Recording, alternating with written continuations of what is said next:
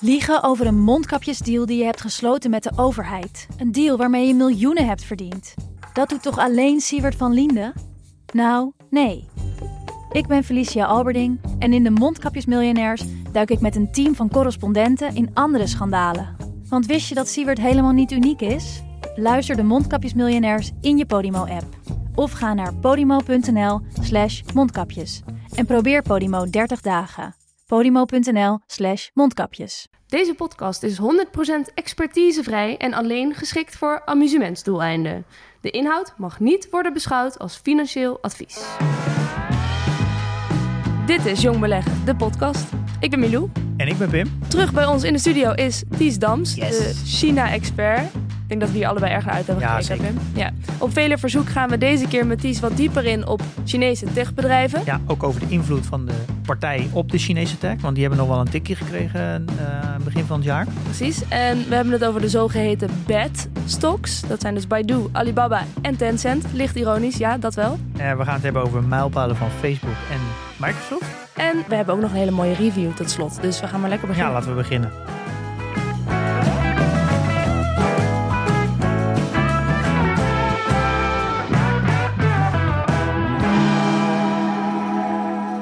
Ties is terug. Yes. Ties, leuk dat je er weer bent. Hallo, ja, heel leuk om hier te zijn. Nog steeds verbonden aan Klingendaal. Yep. Wat doe je daar ook alweer precies? Ik ben daar onderzoeker. Eh, wat betekent dat ik eh, onderzoek doe en advies geef aan, aan vooral eh, eh, Nederlandse overheid, Europese overheden en soms ook eh, bedrijven en, en investeerders over China's geopolitiek en eh, Europese buitenlandse politiek. En we hebben het natuurlijk al een keer eerder hier gehad over China. Eh, daarna veel reacties gekregen dat we misschien ook wat verder op bedrijven in moesten zoomen. Dus dat gaan we in ieder geval doen in dat deze niet aflevering. gedaan heb, aflevering 48. Ja, in af- aflevering 48 hebben we het eerst over China gehad. En nu dus iets meer over bedrijven. Maar het leek me wel leuk om even te beginnen met... Nou ja, we zitten nog in het EK voetbal. Eh, Nederland doet natuurlijk niet meer mee. Maar wat zo opvalt is die reclame langs de velden. En, dat daar, en, en ook achter de mensen dat er zoveel Chinese bedrijven tussen zitten. Ja, Chinese bedrijven, en ik zie ook eh, Gazprom is ook eh, heel prominent, Russisch Ja. bedrijf. Ja, In eh, Qatar Air, Airlines. Ja, ik, ik, ehm, het publiek voor deze wedstrijden is ook heel groot in Azië. Eh, en ook heel groot in China. En adverteren bij voetbal is natuurlijk... Voetbal is ook... eh, ik bedoel, dat moet je niet te- tegen Orbán en Merkel zeggen deze weken. Maar eh, een relatief neutrale zone om je als, als, als bedrijf als prettig te positioneren. En, en er is toch een groeiende argwaan richting Chinese bedrijven, in, zeker ook in Europa. Ehm, maar als zo'n Chinees bedrijf zich dan kan geassocieerd zien met een, eh, een leuk voetbalfeestje, is dat ook niet verkeerd. ja maar ook eh, prettig. Het komt ook een beetje agressief over of zo. Het is ons feestje. EK, Europees kampioenschap. Waarom is daar een publiek voor in China? Eh is het beste voetbal ter wereld, net zoals de Champions League. En ehm, eh, ik bedoel, het is, het is, de, de- de- ook Europees voetbal is niet meer Europees voetbal. Het is gewoon een mondiaal entertainment Ja. fenomeen. En, en natuurlijk willen die Chinese grote bedrijven daar een deel van. Maar dat eh, Chinese bedrijven reclame maken, dat snap ik nog wel. Maar dat het ze het ook in het Chinees doen, die ziet ook Ja. heel, dat vind ik dus echt heel apart. Dat betekent eigenlijk dus als je, je betaalt er heel veel voor, dan heb jij, vind jij dus eigenlijk belangrijker om dus de Chinees te bereiken die naar Europees voetbal kijkt. Ja, eh, blijkbaar. Want er spre- of En- en- wil je dan alle Chinezen in Europa aanspreken, die Chinezen? Nee, nee, nee. Dat gaat denk ik echt om de Aziatische markten. En, en, en Europese wedstrijden worden enorm gevolgd in heel veel Aziatische landen. En ook, hè, ook om op te gokken. Ehm, Ah, eh, eh, dus dat is goed publiek om je, eh, om je speel aan te verkopen, denk ik. Nou, maar de kans is dus eigenlijk heel groot dat we dus bij het WK 2022 in Qatar nog meer Chinese merken zien. Ja, nou en, en eh, ehm, le- le- lees, dit is echt een heel leuk boek. Peter Frankopan's boek The New Silk Roads. En daar begint hij met een exposé van Chinese investeringen in Europese grote voetbalclubs. Dat is waanzinnig. De Europese voetbalclubs zijn helemaal niet klassiek Europees meer. Dat zijn symptomen, dat zijn, zijn voorbeelden van de nieuwe zijderoute. Welk geld zit daarin? Eh, geld uit het Midden-Oosten, geld uit Azië. Welke clubs dan ook bijvoorbeeld? China. Ehm, ik geloof dat Manchester City een grote eh, Chinese aandeelhouder heeft. Nou, de, rest zou ik weer weer even op moeten zoeken. Maar Ja, lees. Peter Dat is een beetje hetzelfde wat eh, eh, Gazprom doet met eh, dus de Nord Stream eh 1 en 2. Dat is natuurlijk eigenlijk alle clubs, eh, alle voetbalclubs die gerelateerd zijn aan de, de, de Nord Stream. Dus uh, Sint-Petersburg, voor mij uh, zit er nog een, een, Duitse club bovenin in Duitsland. Zij hebben ze eigenlijk waar die, die pijplijn ligt, gaan ze eigenlijk alle clubs sponsoren. Zodat ze de, de lokale politiek in die plaats eigenlijk, die zitten waarschijnlijk ook in die voetbalclub. Ja. Waardoor ze dus via de sponsoring van zo'n voetbalclub uh, eigenlijk de lokale politiek meekrijgen en akkoord krijgen om op dat stukje uh, zee, die Nord Stream, soepel te kunnen laten verlopen. Ja, precies. Ik bedoel, dit is, dit is wat grote bedrijven doen. Dit is waarom uh, Philips ook van alles sponsort in China. ja, als je daar een heleboel fabrieken hebt staan, dan is het toch leuk als de mensen je daar aardig vinden. Ja. Ja. En sport is dan een fijne manier om, om, om je grootste glimlach Ja. op te zetten. Ehm, Oké, dus wat gaan we doen in deze aflevering? Eh, we hebben het over eh, bedrijven als Baidu, Tencent en Alibaba. Maar eerst, nou ja, wat, wat iedereen waarschijnlijk in zijn portefeuille heeft gezien, die eh, China daarin heeft, bijvoorbeeld ik ook met mijn China ETF, zie je dat de, eh, de Chinese aandelen relatief achterblijven, zeker in vergelijking met de Amerikaanse aandelen en de Europese aandelen. En dat, dat dat gat ook lijkt te groeien. Dus wat daar precies aan de hand is. En we gaan het ook een beetje over geopolitiek hebben. Ja, leuk. Ja, nee, zeker. Ik in ieder geval merk dat zelf ook. Ik heb eh, een aantal Chinese bedrijven in mijn portfolio. En ik merk eigenlijk sinds een beetje begin van het jaar, eh, februari, om, is, daarna is er heel veel koersdruk ontstaan. Echt een neerwaarts koersdruk. Eh, en dat heeft eigenlijk een beetje te maken met het moment dat eh, de overheid zich ging bemoeien met, eh, met de Chinese techbedrijven. En daarin eh, eh, Jack Ma, kunnen we nog wel herinneren, die een soort van verdwenen was. Eh, en met de boete.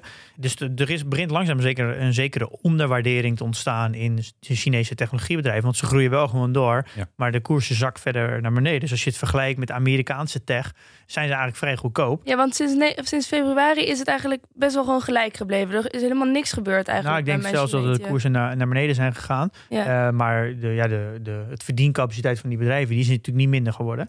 Nee. Eh, dus het gat wordt aan twee kanten natuurlijk opgerekt. En dan is er natuurlijk een eh, heel interessant. Dus dat eh, er is een hele grote zorg en onzekerheid van ja, het is wel goedkoop, maar ja, we, er zit zoveel onzekerheid in met de Chinese overheid. Eh, ja, hoe moeten beleggers daarmee omgaan? Ja, het is een interessante vraag, omdat kijk, als je de jaarplannen leest van, eh, of jaarverslagen leest van die grote bedrijven, vragen ze zich dat ook af. Een grote factor daarin is dat ze, ze blijven steeds herhalen. Er is een heel grote onzekerheid over allerlei vormen van wet en regelgeving in China op dit moment. Er is, dat is, is zich snel aan het ontwikkelen, eh, maar welke kant uit is nog niet helemaal duidelijk. En ehm, ik denk dat het, als je, als je, ja, als de algemene uitgangspunten moet je gaan kijken precies naar waar zitten die bedrijven allemaal in en welke sectoren worden geraakt en welke niet. Ehm, dus ik denk dat nog steeds takken van waarin eh, bijvoorbeeld Tencent zit of, of, of Baidu zit, waanzinnig eh beloftevol zijn. En, en andere, ehm, dat de Chinese overheid daar harder op gaat zitten de komende jaren. Dus een bedrijf aan zich beoordelen is, is denk ik niet goed genoeg. Je moet specifieker kijken welke industrieën en differentiëren tussen de AI-dingen waar ze in zitten en de fintech-dingen waar ze in zitten. En ik denk op de lange termijn dat er wel een, een gevaar ontstaat dat door deze Chinese, de, de druk van de Chinese overheid, maar zeker ook door de druk van Amerikaanse overheid op Chinese techbedrijven, dat Chinese bedrijven gelimiteerd gaan zijn in hoezeer ze kunnen uitbreiden naar de rest van de wereld. Dus dat, was, dat is altijd ook een beetje de vraag die nog boven de markt in. Hoe, ging, hoe groot gaan deze bedrijven worden buiten de grenzen van China? En ik denk dat die, eh, die ambitie, die wordt op de lange termijn wel ingeperkt als deze spanningen zich zo gaan, zo gaan ontwikkelen. Want Ja. hoe legt eh, Amerika daar bijvoorbeeld druk op? Door ehm, grote Chinese bedrijven te verbannen van Amerikaanse beurzen bijvoorbeeld. Ja. En ehm, door pensioenfondsen en andere grote investeringsfondsen te verbieden te investeren in, in Chinese bedrijven. En dat is ook weer heel ambigu, maar wel interessant. Het Westen is dit aan het doen. Tot op zekere hoogte is India dit ook aan het doen. Mhm. Maar de wereld is groter. En heel veel andere landen zijn juist ook, is juist steeds meer klanditie voor apps als WeChat en zo. Dan over Eh, Afrika? ook? Ja, Afrika en zeker ook Zuidoost-Azië Ja. eh, en Centraal-Azië.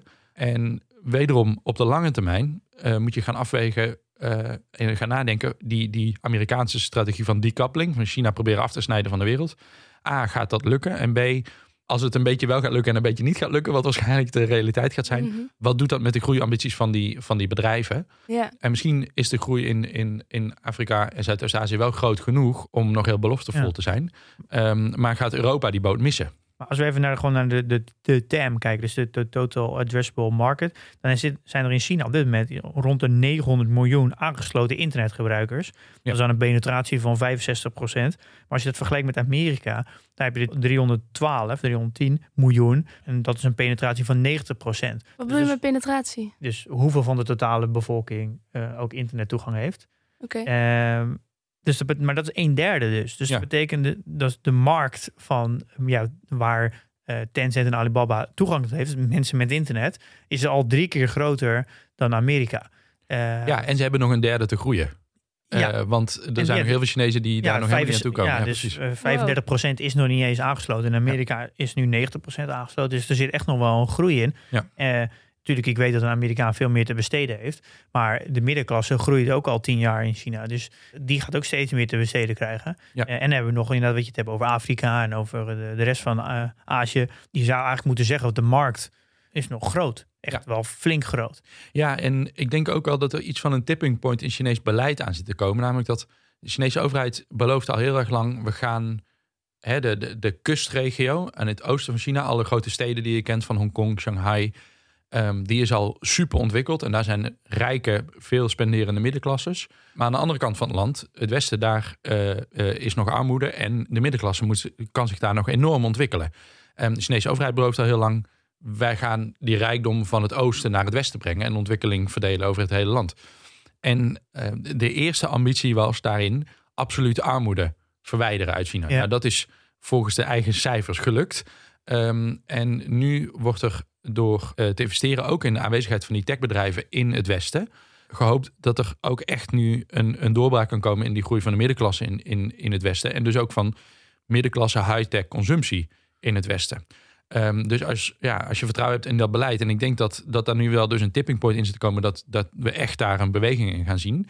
Ehm, eh, dat betekent ook dat die techbedrijven daar gewoon een enorme groeimarkt in gaan eh, Ja. zitten. En als je kijkt naar wat, waar, die, waar ze ook bezig zijn met liefdadigheidsprojecten in China en zo, dan gaat het allemaal over eh, bringing high-tech to rural gemeenschappen. Hè? Dus, dus boeren aansluiten op bijvoorbeeld op apps waarmee ze hun producten meteen zelf kunnen verkopen zonder dat er een, een tussenpersoon tussen zit. Geeft natuurlijk een, een boer ergens in het Westen een, een telefoon met WeChat. En zijn leven is natuurlijk, is natuurlijk extreem vooruit gegaan. De, Ja. de toegang dat die van, van zonder telefoon met telefoon is echt een, zo een groot verschil. Ja. Hij heeft eigenlijk de, de toegang tot de hele wereld en tot bijna alle, alle producten. Hij kan een bankrekening hebben, hij kan met iedereen connecten. Hij kan met alle spullen aan iedereen verkopen. Dus het is een... Het is eigenlijk een, een, een gigantisch groot verschil voor welvaart die je dan in één keer krijgt als je toegang hebt tot het ecosysteem van bijvoorbeeld een Tencent. Ja, en als je, als je zegt ma- marktpenetratie is 65%, dan, ik bedoel die 35%, die zit in het westen. Ja. Ehm, en dat gaat dus ontploffen de komende tien jaar. En is het, ik ben belegger in, bijvoorbeeld in Alibaba en, en ook in Tencent via Proces. Moet ik me als, als eh, Europese belegger zorgen maken dat ik eh, beleg in Chinese bedrijven? De- ik denk dat je moet differentiëren tussen, tussen verschillende trends. En dan pas kun je je zorgen maken of hoopvol zijn. Ik denk dat je heel hoopvol kan zijn algemeen over Chinese groei en over de groei van deze bedrijven. Ehm, ik denk als je nou kijkt naar wat er met de fintech sector aan de hand is en de manier waarop de Chinese overheid ogenschijnlijk van het ene op het andere moment van laissez-faire naar heftige herstructurering van die hele markt is gegaan. Ehm, dan denk ik dat, we- dat je wel kan verwachten dat hè, de, de, de aandelen van de Ant Group of de, de waarde van Alipay de komende jaar minder gaat zijn dan we vijf jaar geleden hadden of twee jaar geleden En de hadden. gedacht waarderingen gaan naar beneden, Ja, precies. Ehm, tegelijkertijd, wat zijn de grote ambities van eh, de Chinese overheid? Dat is wereldleider worden op AI, op e-commerce en die constructies gebruiken of die technologieën gebruiken om binnenlandse consumptie aan te wakkeren. Nou, dat kan niet anders dan dat Tencent en Alibaba daarvan smullen. Ja. Ehm, dus zijn dus precies de vier pilaren waar ze eigenlijk op. Ze hebben zitten eigenlijk op vijf dingen: fintech, e-commerce, online advertisement, online gaming en meer abonnementdiensten. Ja. Dat is waar wij ook in de Netflix en Spotify alles wat met een abonnement te verkopen is, vooral amusement eigenlijk. Ja, precies. Dat- En, en, en ook die gaming, daar, daar zijn ook wat strubbelingen geweest. Maar daar lijkt de Chinese overheid nu wel overheen gestapt. En daar, daar, daar, daar, dat is gewoon weer hard aan het groeien. Dus ik, ik eh, fintech gaat gewoon, denk ik, zwaar weer tegemoet. En ook daar heb je de, heb je de lange termijnsambitie van de Chinese overheid om een, eh, mondiaal concurrerende digitale currency te ontwikkelen. En met wie doet het dat? Met Alibaba en Tencent. Ja. En dat zijn de twee partners om dat mee te gaan doen. Dus ook daarin zit groei. Alleen, eh, ik denk dat eh, daar zit nu gewoon heel veel onzekerheid. Omdat de Chinese overheid denkt er is heel veel verborgen risico. Maar we moeten dat eerst gaan inperken. En eh, die bedrijven wat gaan opsplitsen. Zodat het niet, zeg maar, they're not too big to fail the party. Nou ja, dat, dat beleidsherstructureringsproces gaat wel echt een paar jaar duren. Dat is niet Ja. volgend jaar weg. En met, met too big to fill the party is dat de, de Chinese overheid dus een gevaar ziet in die bedrijven. Dat is een risico waar ze, waar ze mee om moeten zien Ja. gaan voordat ze door kunnen. Ja, dus de Chinese financiële sector wordt eigenlijk gecontroleerd door vier grote banken. En dat zijn vooral staatsbanken. En die banken hebben een zeer nauwe banden met de toezichthouders en met eh, de top van de partij. Ja. En ehm, dat is een manier geweest voor de Chinese overheid om, ik bedoel, dat levert allerlei inefficiënties, corruptie en ik weet helemaal niet wat op. Maar wel om in tijden van crisis die financiële sector enigszins in bedwang te houden. Mhm. Dat is waarom ze bijvoorbeeld heel effectief hebben kunnen reageren op de crisis van 2008. Ja. Ehm, wat is er sindsdien ontstaan? Een heel parallel financieel systeem van people-to-people lending en business-to-business lending via eh, apps zoals Alipay en, en andere apps van, van, van deze grote bedrijven, ja. waar de Chinese overheid amper zicht op heeft. Dus waar ze bang voor zijn, is dat daar verborgen financieel risico zit, Ja. eh, wat ze niet onder controle kunnen krijgen en wat op een gegeven moment gaat klappen en dus enorme eh, sociale impact gaat hebben. Eh, omdat deze bedrijven in hun, met hun financieringssystemen en betalingssystemen gewoon verweven zijn met, nou ja, 65% van de, Chine- Ja. van de Chinese maatschappij. Zit het, kan je dan stellen, want we hebben het vorige keer ook over gehad dat het BBP van eh, de technologiebedrijven daar heel erg hoog is. 37% werd gesteld eh, door een, eh, een onderzoeker.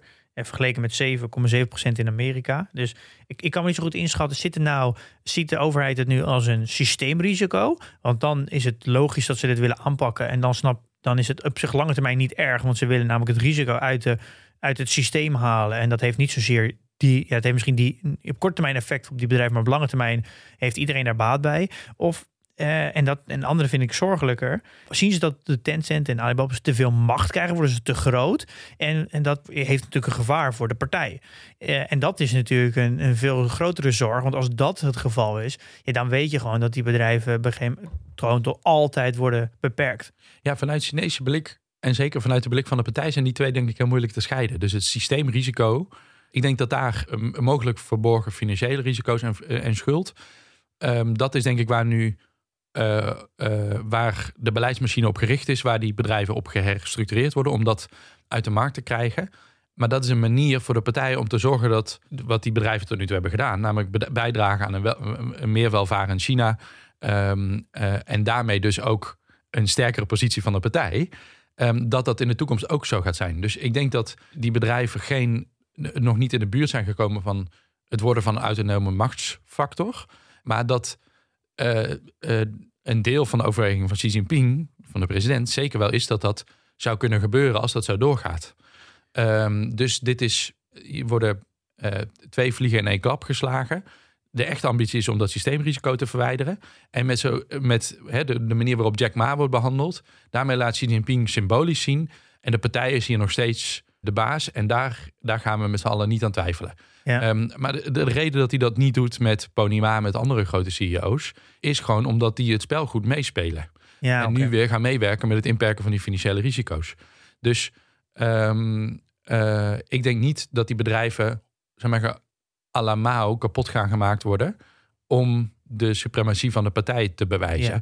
Ik denk dat de partij nog steeds ziet dat die, dat die bedrijven de voorhoede zijn van China's ontwikkeling. Dat ze die hartstikke hard nodig hebben. Alleen ze moeten wel volgens de regels spelen die de partij stelt. Ja. En die zijn net weer wat veranderd. Ze zijn wederzijds afhankelijk en dat moeten ze blijven. Ja, en, en wederzijds afhankelijk met een duidelijk... Uh, hè, in ultimo is de partij de baas. Dat is Maar- wel gewoon zo. Dus dat zegt eigenlijk zolang ze mee blijven lopen met de partij, eh, hebben ze niet echt een, een beperking. Nou, en Zolang ze maar in lijn met de partij blijven. Ja, en ik denk dat er nu dus wel beperkingen zijn in termen van ehm, bijvoorbeeld in, in de mate waarin ze vrij allerlei financieel verkeer kunnen. eh, want dat ziet de partij gewoon als een bedreiging voor Ja, sociale stabiliteit. dat, dat snap ik, ja.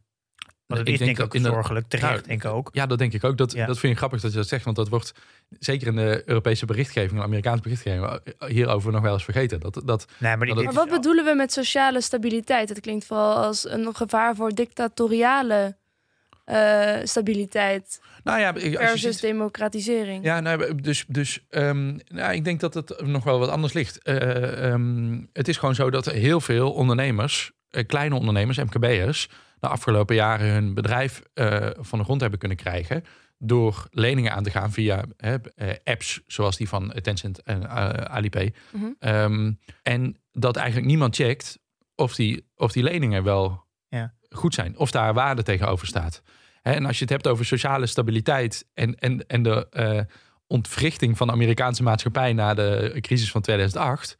Daar zien we nu nog steeds de gevolgen van. Dat heeft niet zozeer in eerste instantie te maken met een autoritair of een democratisch systeem. Dat heeft te maken met het fundamenteel ontwrichtende effect dat de financiële crisis kan hebben op gewoon de maatschappij.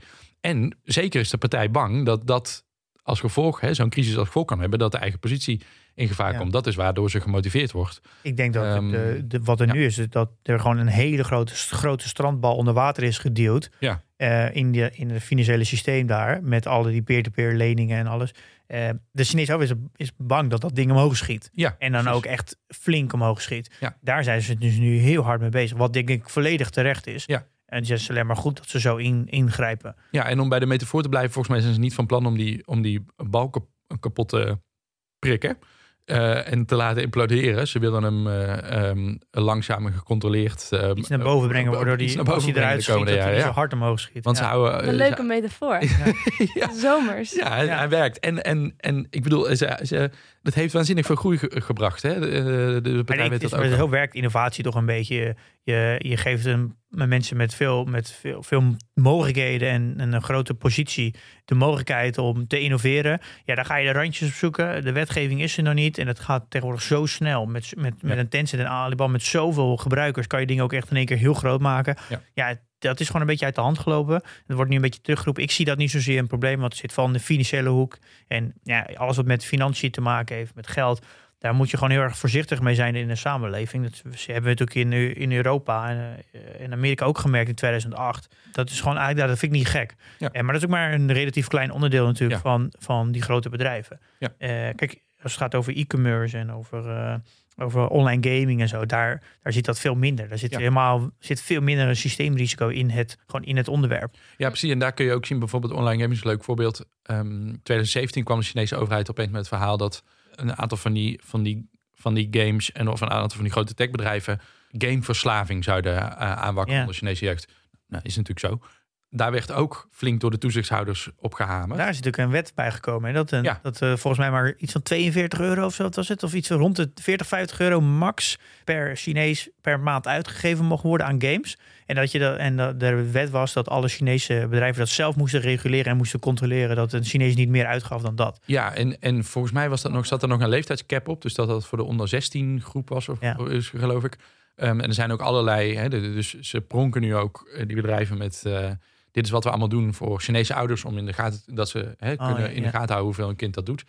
Maar dat is zo'n aanpassing. Ondertussen is die game eh, business gewoon weer booming. En, en spelen die bedrijven ook gewoon wel weer mee met die, met die regelgeving. Dus eh, zo'n eh, steek onder water van de censuurmachine was dat nou ook weer niet.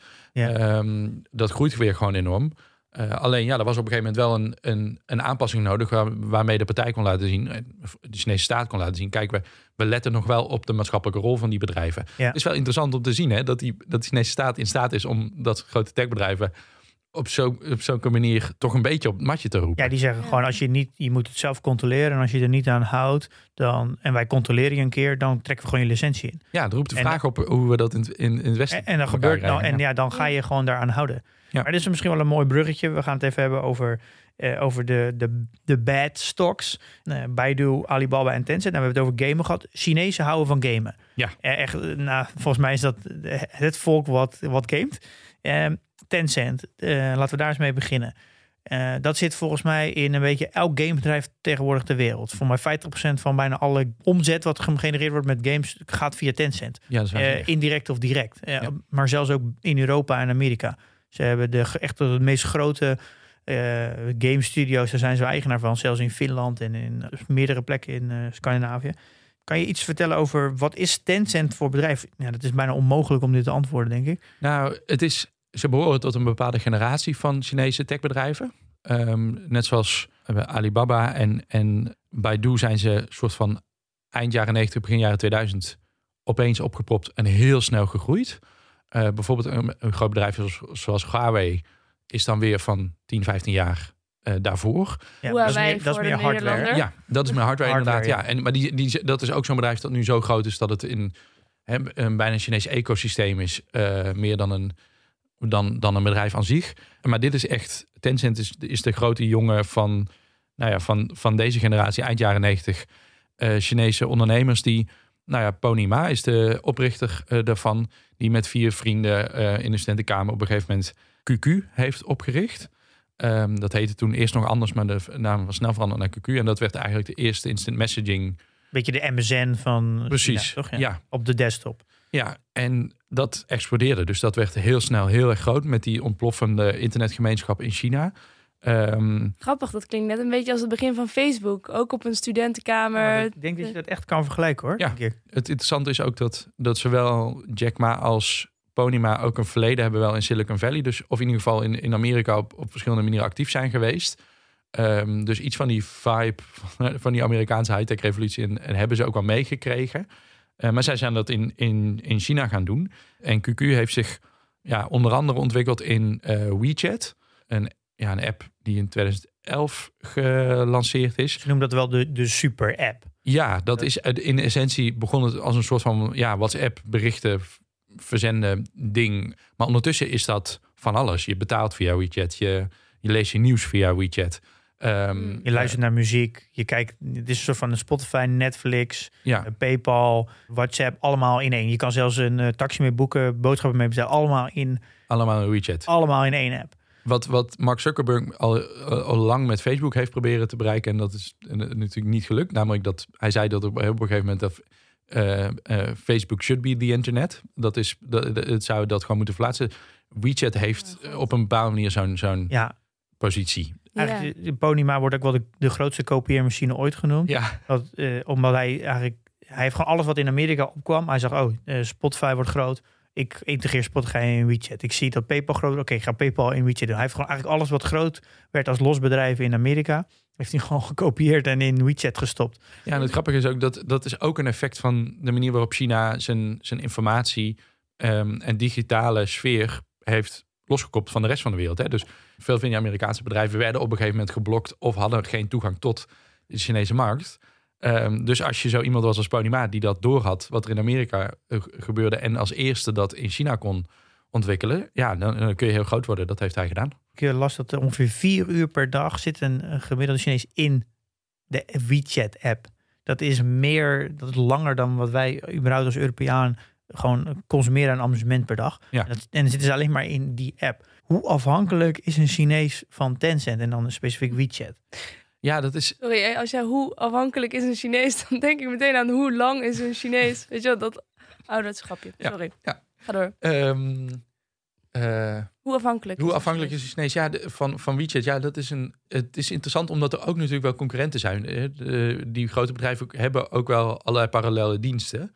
Um, maar er zijn heel veel cafés en restaurants in China waar je sowieso niet meer met cash kan betalen of alleen met WeChat kan betalen.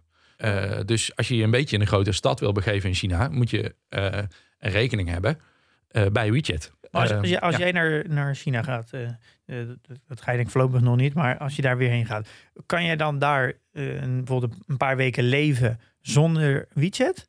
Ja, dat is een goede vraag. Ik denk dat je met een internationale creditcard ook nog aan het eind komt. Maar heel veel dingen worden wel lastig.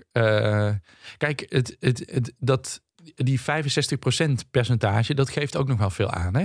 Uh, China is aan de ene kant een maatschappij super high-tech, al relatief rijk. Een middenklasse die in die grote steden uh, nou ja, alles doet via dit soort, dit soort apps en gewoon high-tech leeft. Aan de andere kant is het ook een land met nog veel, veel armoede. En ook in die grote steden nog met allerlei structuren en, en levenswijzen die uh, daar nog niet op opgesteld zijn. Dus je kunt ook nog wel gewoon een taxi krijgen door je hand op te steken. Ja. Um, dus het is, dat is, een, dat is een, een lastige vraag om te antwoorden. Er zijn heel veel wel parallele systemen. Um, maar nee, als je wat, eigenlijk het korte antwoord, als je wat langer in China bent, dan moet je gewoon WeChat hebben. Dat is, dat is het, uh, het simpele ja. antwoord. Uh, gewoon voor een gemakkelijk leven. Het is niet noodzakelijk misschien, maar voor een uh, gemakkelijk en leuk leven, dan is een WeChat onontbeerlijk of in ieder geval gewoon ubiquitous. Het is gewoon overal.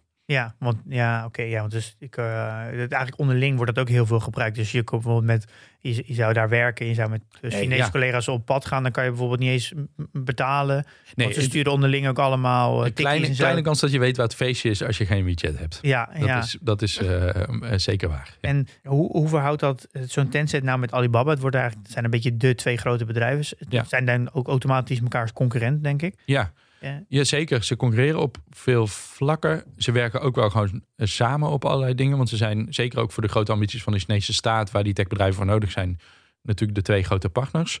Ehm, ja, ze vangen elkaar ook een beetje vliegen af. Eh, Jack Ma maakt er een sport van om te. Eh, eh, om vaak te zeggen dat Ponyma inderdaad gewoon de, de grootste copycat uit de geschiedenis van de wereld is. Ehm, eh, eh, en, Grappig eh, van als een andere Chinees dat zegt. ja, en zeker ook omdat hij natuurlijk in zijn, in zijn Alibaba-systeem ook heel veel gekopieerd Van heeft. Amazon, ja. Precies, eh, maar hij, hij zegt dan Alibaba is veel, veel innovatiever. Ja, ehm, waar, kijk, waar, waar Alibaba er natuurlijk echt heel groot in is, is ook e-commerce. En ook allerlei mediabedrijven. Eh, daar hebben ze ook een interessante positie in. Dus ze, ze zijn ook wel, ze zijn op deels concurrerend, deels samenwerkend. En een deel, deel ook echt wel weer eh, anders. Maar het zijn, ja, het is niet zomaar, net zoals dat China niet zomaar een grootmacht is in een clubje van heel veel grootmachten.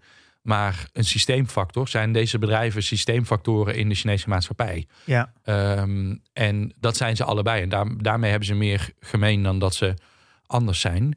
Ze zijn ja, eh, zo groot dat ze moeilijk te scheiden zijn van de Chinese, het weefwerk van de Chinese maatschappij. Dat, dat hebben ze allebei heel erg. Dat maakt hun positie interessant, ingewikkeld. Ehm, en is het interessant om ze te vergelijken. En, en bijvoorbeeld te vergelijken hoe de Chinese overheid anders met die bedrijven omgaat. En op heel veel vlakken gaan ze hetzelfde ermee om. Maar Jack Ma is geslachtofferd. En als symbool gemaakt in de, in de Ja, is- crackdown on tech. Dat ben ik wel heel benieuwd. Hoe Ja. zie jij de, de, als we dan even Jack Ma hebben en eh Ponyma, is dat hoe is de relatie met de, de, de partij? Ze, zijn ze hebben allebei een hele nauwe relatie met de partij. Ze hebben allebei ehm, kunnen groeien omdat ze eh, zich eh, eh, de richting Chinese toezichthouders vaak hebben gezegd. Natuurlijk werken we mee aan maatschappelijke doelen en aan het, het veilig maken van, van onze systemen voor de maatschappelijke harmonie van China, et cetera. Jack Ma wil ook, wilde ook een celebrity zijn. Hè? Jack Ma stond in, in maffe pakken op, zijn, op het jaarcongres grote shows op te voeren, liedjes te zingen. Eh, Jack Ma eh, wilde zeker ook bekend zijn buiten China's grenzen. Eh, deed grote optredens in Amerika. ehm, en benadrukte daarmee ook dat hij een Chinese held is. En het Tencent-leiderschap en Ponyma zijn daar gewoon wat terughoudender in. Je kan eigenlijk zeggen dat Jack Ma meer ego heeft. Ja, dus het is, Dat zit hem soms een beetje dwars. ja, en, en misschien ook wel, het, het helpt hem ook. Ik bedoel, hij is ook echt heel veel bekender in het Westen. Ehm, hij heeft wat meer van het Amerikaanse showmanship Ja. eh, meegekregen. De superstar CEO, dat, is, dat was hij wel in ieder geval.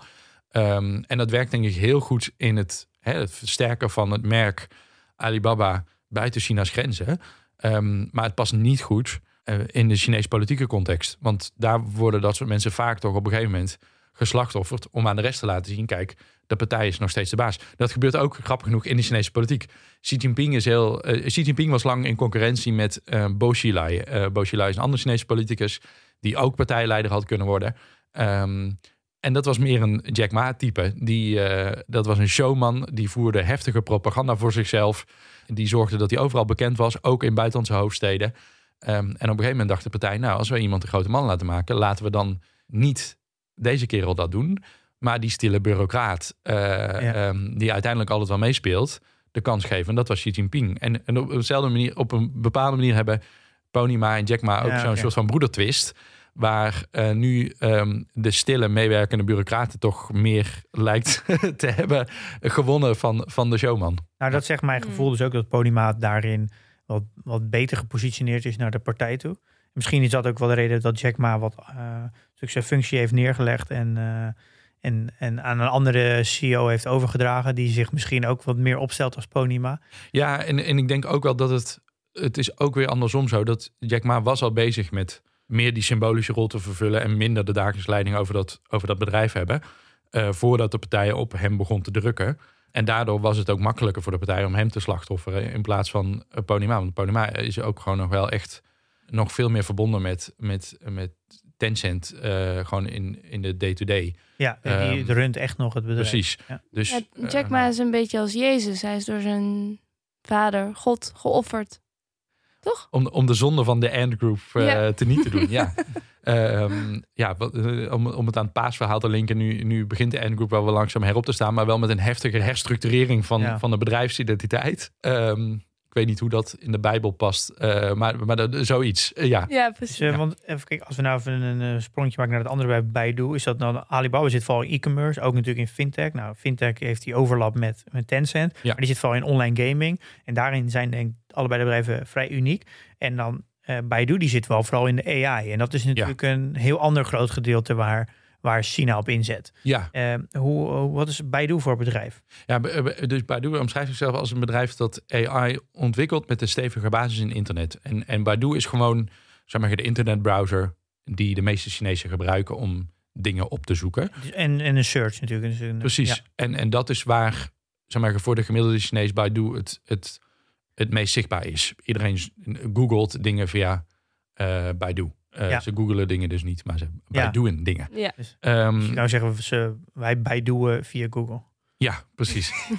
exact. Ja, en, en ehm, ze, ze zijn zo groot kunnen worden omdat ze eh, dat eh, doen. Maar unlike Google eh, wel natuurlijk meespelen met de Chinese censuurmachine. In China mag je niet zomaar alles publiceren, ook niet online. En Baidu is gewoon een belangrijke partner voor de Chinese overheid... om de, de woorden van de China Cyberspace Administration te gebruiken... om het Chinese cyberterritorium veilig te houden van onveilige eh, of ondermijnende invloeden. Eh, van pornografie tot, tot politieke uitingen. Ehm, en daarmee zijn ze heel erg groot. Maar ze hebben die positie nu, ge- gebruiken ze nu om echt heel groot te worden op AI. En daar zitten Ja. andere grote Chinese bedrijven ook op. Ehm, en zij ehm, zetten onder andere heel dik in ook op AI die nodig is voor zelfrijdende auto's en zelfrijdende Apollo. mobiliteit. Precies. En, en hoe, hoe kan jij een inschatting maken hoe... Want AI vind ik altijd zo'n moeilijke... Het is een beetje zo'n buzzword geworden. En Ja. als, als je eh, de... de dit is, maar, dit is maar de vraag hoe, of, je, of je dat ook echt winstgevend kan maken. Ja. En eh, hoe, hoe, sch- hoe schat jij de kans als het gaat, bijvoorbeeld vooral met het project Apollo, hoe- Ja. de kans van slagen? Is dat, heeft Wat dat is dit voor project? Eh, dat is een, een beetje vergelijkbaar met eh Wynomi, volgens mij van Google. Dat zeg ik niet goed, denk ik. Maar dat is de zelfrijdende autotak van, van Ja. Google. Eh, om, eh, ze doen vooral het analyseren van, van data. En het, eh, ze hebben ook een auto's helemaal volgehangen met camera's. En die rijden dan rond om uiteindelijk die auto zelfrijdend te krijgen. Eh, en dat, dat project bij Baidu heet Apollo. Ja. Eh, hoe, hoe groot schat je de kans dat dit... Of laten we anders zeggen. Is Apollo de voorloper in China als het gaat om eh, eh, self-driving cars?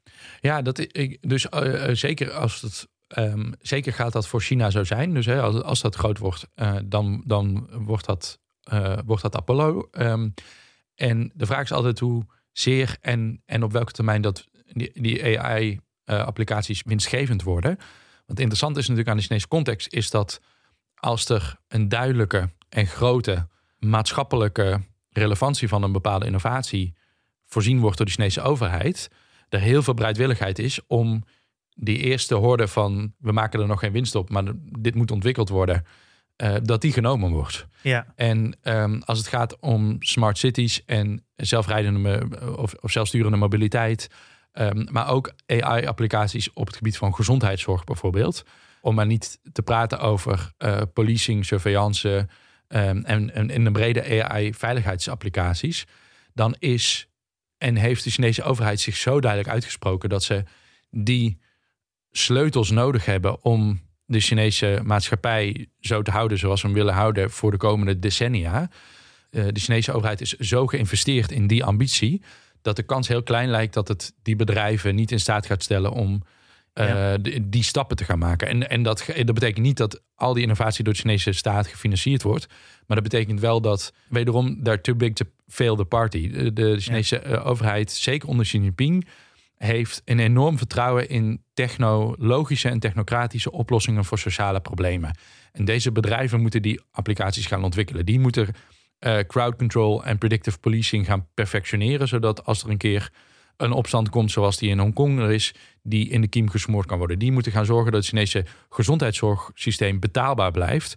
Omdat mensen niet naar een dokter hoeven, maar via een app uh, behandeld kunnen worden. Ja. Je zegt et cetera, et cetera. De grootste zorg, vooral in AI in westerse landen, is altijd ja, de, de, eer dat de politiek en, uh, en de regelgeving zover zijn, dan. Uh, dat, dat, dat is altijd de, de, de, de, de tegenhouder van innovatie. Dat natuurlijk met zelfrijdende auto's ook. De, Ja. de wetgeving gaat daar denk ik niet zo snel Nee. eh, ehm, voorkomen dat dat kan. Eh, waardoor het eigenlijk ook de ontwikkeling natuurlijk heel erg tegenhoudt. En je zegt, eh, China heeft daar wel belang bij. Dus die zal ook de weg vrijmaken voor regulatie en wet en regelgeving. Zodat die succesbedrijven ook sneller Ja. echt in het echt gebruikt kunnen worden. En ook financiering. En ook de maatschappelijke basis die nodig is om dat soort dingen.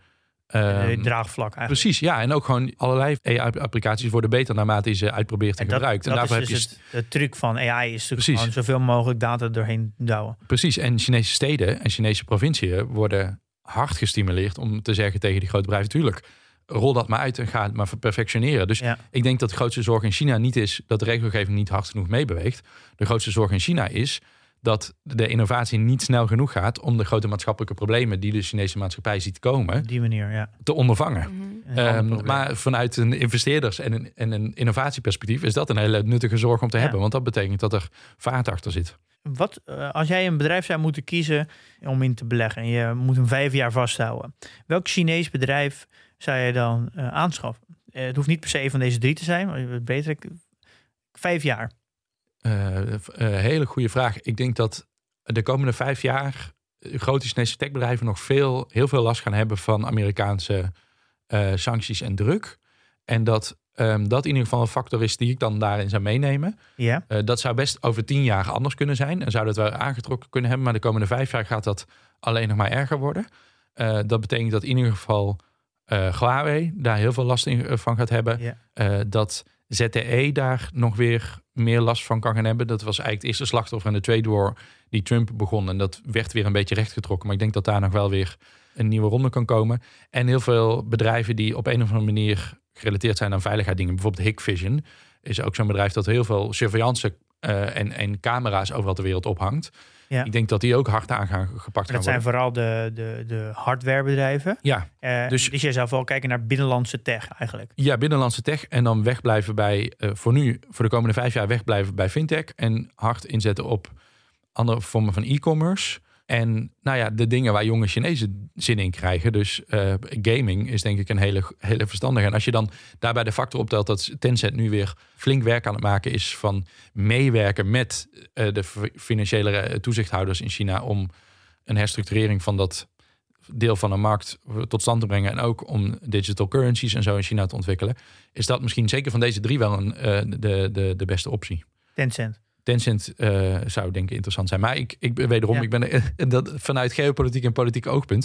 Ik ben natuurlijk niet de bedrijfsexpert. Nee, maar dat is een, Ehm, het geeft eh, weer een, ja. een, een extra perspectief waar je, eh, waar Ja. je wat mee kan. Nou ja, ik heb zelf, ik, wat ik zelf nog wel interessant zou vinden om eens een keer de, het volledige partijprogramma door te nemen. Ja. Niet volledig, maar die, die, ze, noteren, ze hebben elke vijf jaar, als het goed is, Ja. presenteren ze natuurlijk de, de, de aandachtspunten. En ik, ik heb wel steeds meer het idee dat je moet gaan kijken naar wat zijn nou die, vijf, eh, die, die, het vijfjaarplan en welke bedrijven eh, dragen daarbij aan bij. Want die zullen, die weet je, dan weet je eigenlijk wel dat die eh, gesteund gaan worden, of in ieder geval niet in de weg gelicht gaan worden. Nou, dat is, ik, ik lijkt me een heel goed plan. En dan geef ik alvast een teaser. Ehm, het baanbrekende interessante ding aan het laatste vijf jaren plan was dat daar voor het eerst geen harde groeicijfers, groeitargets in werden opgenomen. Dat doet de Chinese overheid eigenlijk altijd. Ze zeggen gewoon volgend jaar, het jaar daarna en de komende vijf jaar gaan we zoveel groeien. Eh, hè, de Chinese economie. Dat doet het nu niet. En het zegt, we zoeken niet meer naar kwantiteit van groei, maar naar kwaliteit van groei. Hmm. En die kwaliteit van groei wordt bepaald door China's geopolitieke context, daar sterker in staan. En door China's politieke context. Een aantal van die maatschappelijke problemen aanpakken en daar de technologie voor ontwikkelen waar we het eerder al over hadden. Oh, Oké. Dus we kunnen gaan kijken naar wat betekent die kwaliteit van groei voor China's ambities Ja. als land. Eh, en dus van de rol van die grote Chinese bedrijven daarin. En, Eh, eh, dat zou een interessant kan je de zijn. teaser ook al uitbreiden met welke, welke binnenlandse problemen dat zijn? Nou, de, de- een aantal hebben we er al ehm, ehm, eh, aangeraakt. Het ontwikkelen van digitale currencies. het ontwikkelen van AI. ehm, breder het ontwikkelen van een wereldleidende positie op allerlei vormen van technologie en innovatie. Dus dan heb je het ook wel weer over hardware. Ja. Eh, nou ja, dat zijn, dat zijn een Ja. paar van de dingen waar hard op wordt ingezet. En sustainability en green finance. Dus als je ehm, eh, eh, investeert in green bonds en zo in China, kun je ook erop rekenen dat je komende vijf jaar de, de steun van de Chinese staat hebt. Of je die Ja. moet willen is weer een andere vraag. Maar dat, dat vanuit, redenerend vanuit eh ehm vijfjarenplan zijn dat echt de prioriteiten. Nou, dat is heel fijn dat we eigenlijk dus nu alweer een, eh, een, een, jou binnenkort weer een keer gaan zien. dat, dat, ik vind dat helemaal fantastisch. Als Ja. jij dat ook wil, natuurlijk. Ja, Ja, ik- nee, ik- Eh, ik, ik vind het waanzinnig leuk. En ehm, kijk, in China is, is het geopolitieke niet van het financiële en, en het economische te scheiden. En, en daarom om China beter te begrijpen, maar ook om, om te zien hoezeer we verweven zijn eigenlijk met de Chinese manier van zaken doen en van politiek bedrijven. Eh, moeten we volgens mij dit gesprek hebben. Dus ik, eh, nee, ik, ik, ik, kom, ik ben graag van de partij. Nou, leuk. Kijk naar uit. ja, super. Ik denk dat we hem ook eh, dit stuk moeten afronden, denk ik. Dat denk ik ook. Eh, ik moet wel zeggen, ik wil er nog even aan toe. Ik heb, eh, denk ik, gisteren de hele dag in Tencent ge- gedoken. En het is, ik ben eigenlijk gewoon een beetje duizelig geworden van waar Tencent allemaal in zit. Het is een, een waardering op Tencent plakken is, is eigenlijk onmogelijk. Ik, Omdat het gewoon niet te overzien is. Nee, ik had al ge- gezien dat ze in. Ze hebben geïnvesteerd in iets van 1200 eh, Ja. verschillende bedrijven in de afgelopen eh, 10, 15 jaar. Waarvan er 160 een unicorn zijn. Dus dat betekent dus een, een start-up wat een waardering heeft van minimaal een miljard. Ja. En waarvan er waren er iets van 32 waren er beursgenoteerd al. Ja. En maar als je al die namen kijkt, dan heb ik even zitten googlen. Maar het zijn allemaal Chinese bedrijven, een groot gedeelte. ook. Dus je, Ja. je hebt ook, het is zo moeilijk om een inschatting te maken wat het nou precies doet. Eh, dat is dan een stukje China. Maar ze hebben ook nog heel veel geïnvesteerd in buitenlandse bedrijven. Natuurlijk in Tesla en een Snap. En in heel veel gamingbedrijven. Het zijn Ja. League, of, League of Legends, Riot Games, nou ja, Lyft, eh, de Uber, ook concurrent van Uber. Nou, ze, hebben- eh, ze zitten in zoveel, Ja. ze hebben in zoveel bedrijven een belang dat het eigenlijk bijna onmogelijk is om, om daar een fatsoenlijke waardering op te zetten. Het is echt, Het is, ik, ehm, om te proberen te begrijpen, probeer ik dan nog dan maar te relateren aan iets wat ik, ik ken. Maar het is volgens mij een beetje zoals mijn vader groeide op in het Eindhoven van de jaren 60. Daar was alles van Philips. De voetbalvereniging was van Philips. Eh, ze gingen op eh, het schooluitje was van Philips. ja, de, de woning- dokter gingen de woningen, Philips. de arbeidswoningen. Iedereen werkte voor Philips. Ja. Dat is de 20, zeg maar, mid 20e eeuwse variant van wat dit soort bedrijven nu zijn voor China. Ja, ja. Ehm, dat gaat echt, dat, dat is, ja, ze zitten in het weefwerk van een maatschappij. Meer dan dat ze gewoon een van de winkels zijn waar je eens naartoe gaat. Ja. En eh, daarbij moet je dus ook nog de schaalvergroting Eindhoven in de jaren 60. China nu, 1, hoeveel miljard mensen. ja, ja. Eh, dat zijn echt hegemonisch interessante, grote, complexe ecosystemen. Meer dan gewoon zomaar een bedrijf. Ja, ja, interessant. Mooie vergelijking. Dus, eh, wat nog ook nog eh, in de Fortune 500 wordt elk jaar gepubliceerd. Dat is voor het eerst dat er nu meer Chinese bedrijven in zitten dan Amerikaanse bedrijven. 124 Chinese bedrijven Ah. tegenover 121 Amerikaanse bedrijven. Dus voor het eerst in de geschiedenis Ja. van de Fortune 500 dat er dus meer Chinese bedrijven in zitten. Nou, dat geeft al aan dat, dat, dat ja, dat, dit, dit, dit verschil is nu vrij klein, maar dit, dit gaat natuurlijk de komende Ja. tien jaar alleen maar groter worden. Ja. Eh, je ziet toch wel, alles laat toch wel zien dat China echt de, de wereldspeler gaat worden. Ja. Eh, Joepie.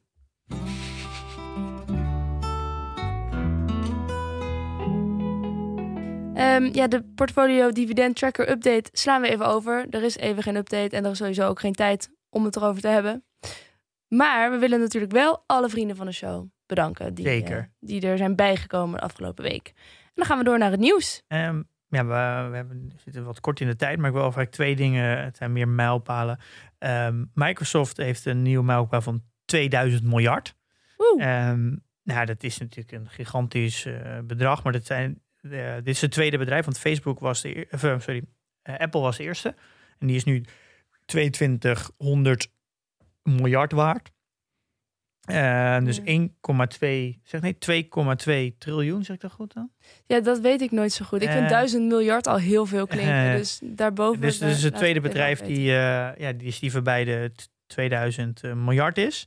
En eh, Facebook heeft ook een, is ook voorbij de 1000 miljard gegaan. Dus er zijn nu vier, vijf bedrijven. Apple. Is het niet een biljoen? Volgens mij is het een biljoen. Ja, een biljoen denk ik. En Twee biljoen. In het Engels dan... eh, Ja. eh, 2000 miljard is 2 biljoen. Ja, Ja. 2 biljoen. Oh ja, 2 biljoen. Ja. Biljoen is miljard, ja. En er zijn vijf bedrijven die nu voorbij de, de, de, de duizend miljard zijn. Dat is natuurlijk Apple, Microsoft, Amazon, Google en Facebook. En het grap en het meest, ik denk een ironisch moment dat Facebook voorbij de duizend miljard ging op het moment dat de rechtszaak eh, liep van eh, FTC oh, om Facebook aan te klagen dat het een monopolie is met, eh, met eh, Instagram en eh, WhatsApp en dat ze die rechtszaak gewonnen hadden, Facebook. En dat ze daardoor 4% omhoog schoten en, Hm. en daardoor voorbij de 1000 miljard Nee. gingen. Heel ironisch. Ja. Ehm, maar als je dat vergelijkt met Tencent, eh, is 740 miljard. En met Alibaba is 600 miljard. Als je dat dan, dan vergelijkt met Amerikaanse tech, is dat echt, blijft het echt nog flink achter. Ja. Eh, maar als je dat vergelijkt met de omzetten die ze maken en de winsten, is dat verschil veel minder groot. Dus ik denk dat we wel eh, de, de komende vijf jaar wel kunnen verwachten dat eh, ja, Tencent en Alibaba ook wel voorbij die grens gaan. Ja. Ehm, nou ja, de, de Giro is ook met TradeGate gekomen. Daar gaan we het volgende week over hebben, want dan belt Paul even in. Oké, Ehm, gezellig. Altijd een, een plezier om met Paul te bellen. Ehm, dan gaan wij eventjes nu naar portfolio, Ja. denk ik. Zal ik eerst? Jij hebt sowieso een goede week gehad met eh, je China-ETF. Eh, ja, dat is en iets maar, gestegen, mij maar- met alle, alle, alle ETF's, volgens mij. Ja, ik, ik sta op eh, 950 in de plus. Nee, want het was bijna de duizend. Ja, bijna duizend. Dus Mooie dat mijlpaal. is natuurlijk leuk. Kan zomaar gebeuren, je weet het nooit. En mijn to- totale waarde van mijn portefeuille staat nu op 6654. Kijk, zo. Ja, Ja. Ik, ik ben ook flink omhoog gegaan. Ik heb niks ingelegd. Ik sta nu op eh 221.700. Hm. Ik was voorbij de 50.000 euro eh, rendement gegaan. Eh, maar daar ben ik dus nu gelijk met, eh, dat was vorige week. En ik heb deze, in een week tijd 5000 euro rendement gemaakt. Dus het is echt, ja, het is een echt een hele goede week. Alles gaat omhoog. Alle beurzen staan ook all-time high.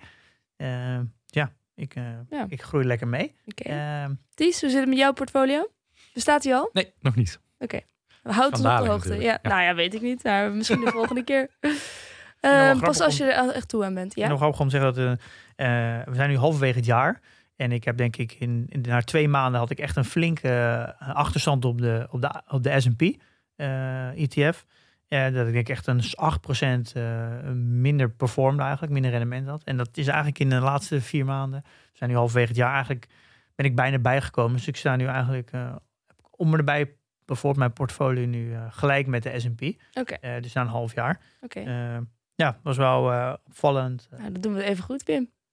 Ja, dus uh, ik had eigenlijk net zo goed net zo goed nee, niet kunnen. Dat is niet waar, want jij wil leren. Ja, dus, ja. maar ik merk wel dat ik had echt een flinke achterstand. En ja, dat geeft maar weer aan dat je niet op korte termijn moet, nee. moet gaan meten. Precies.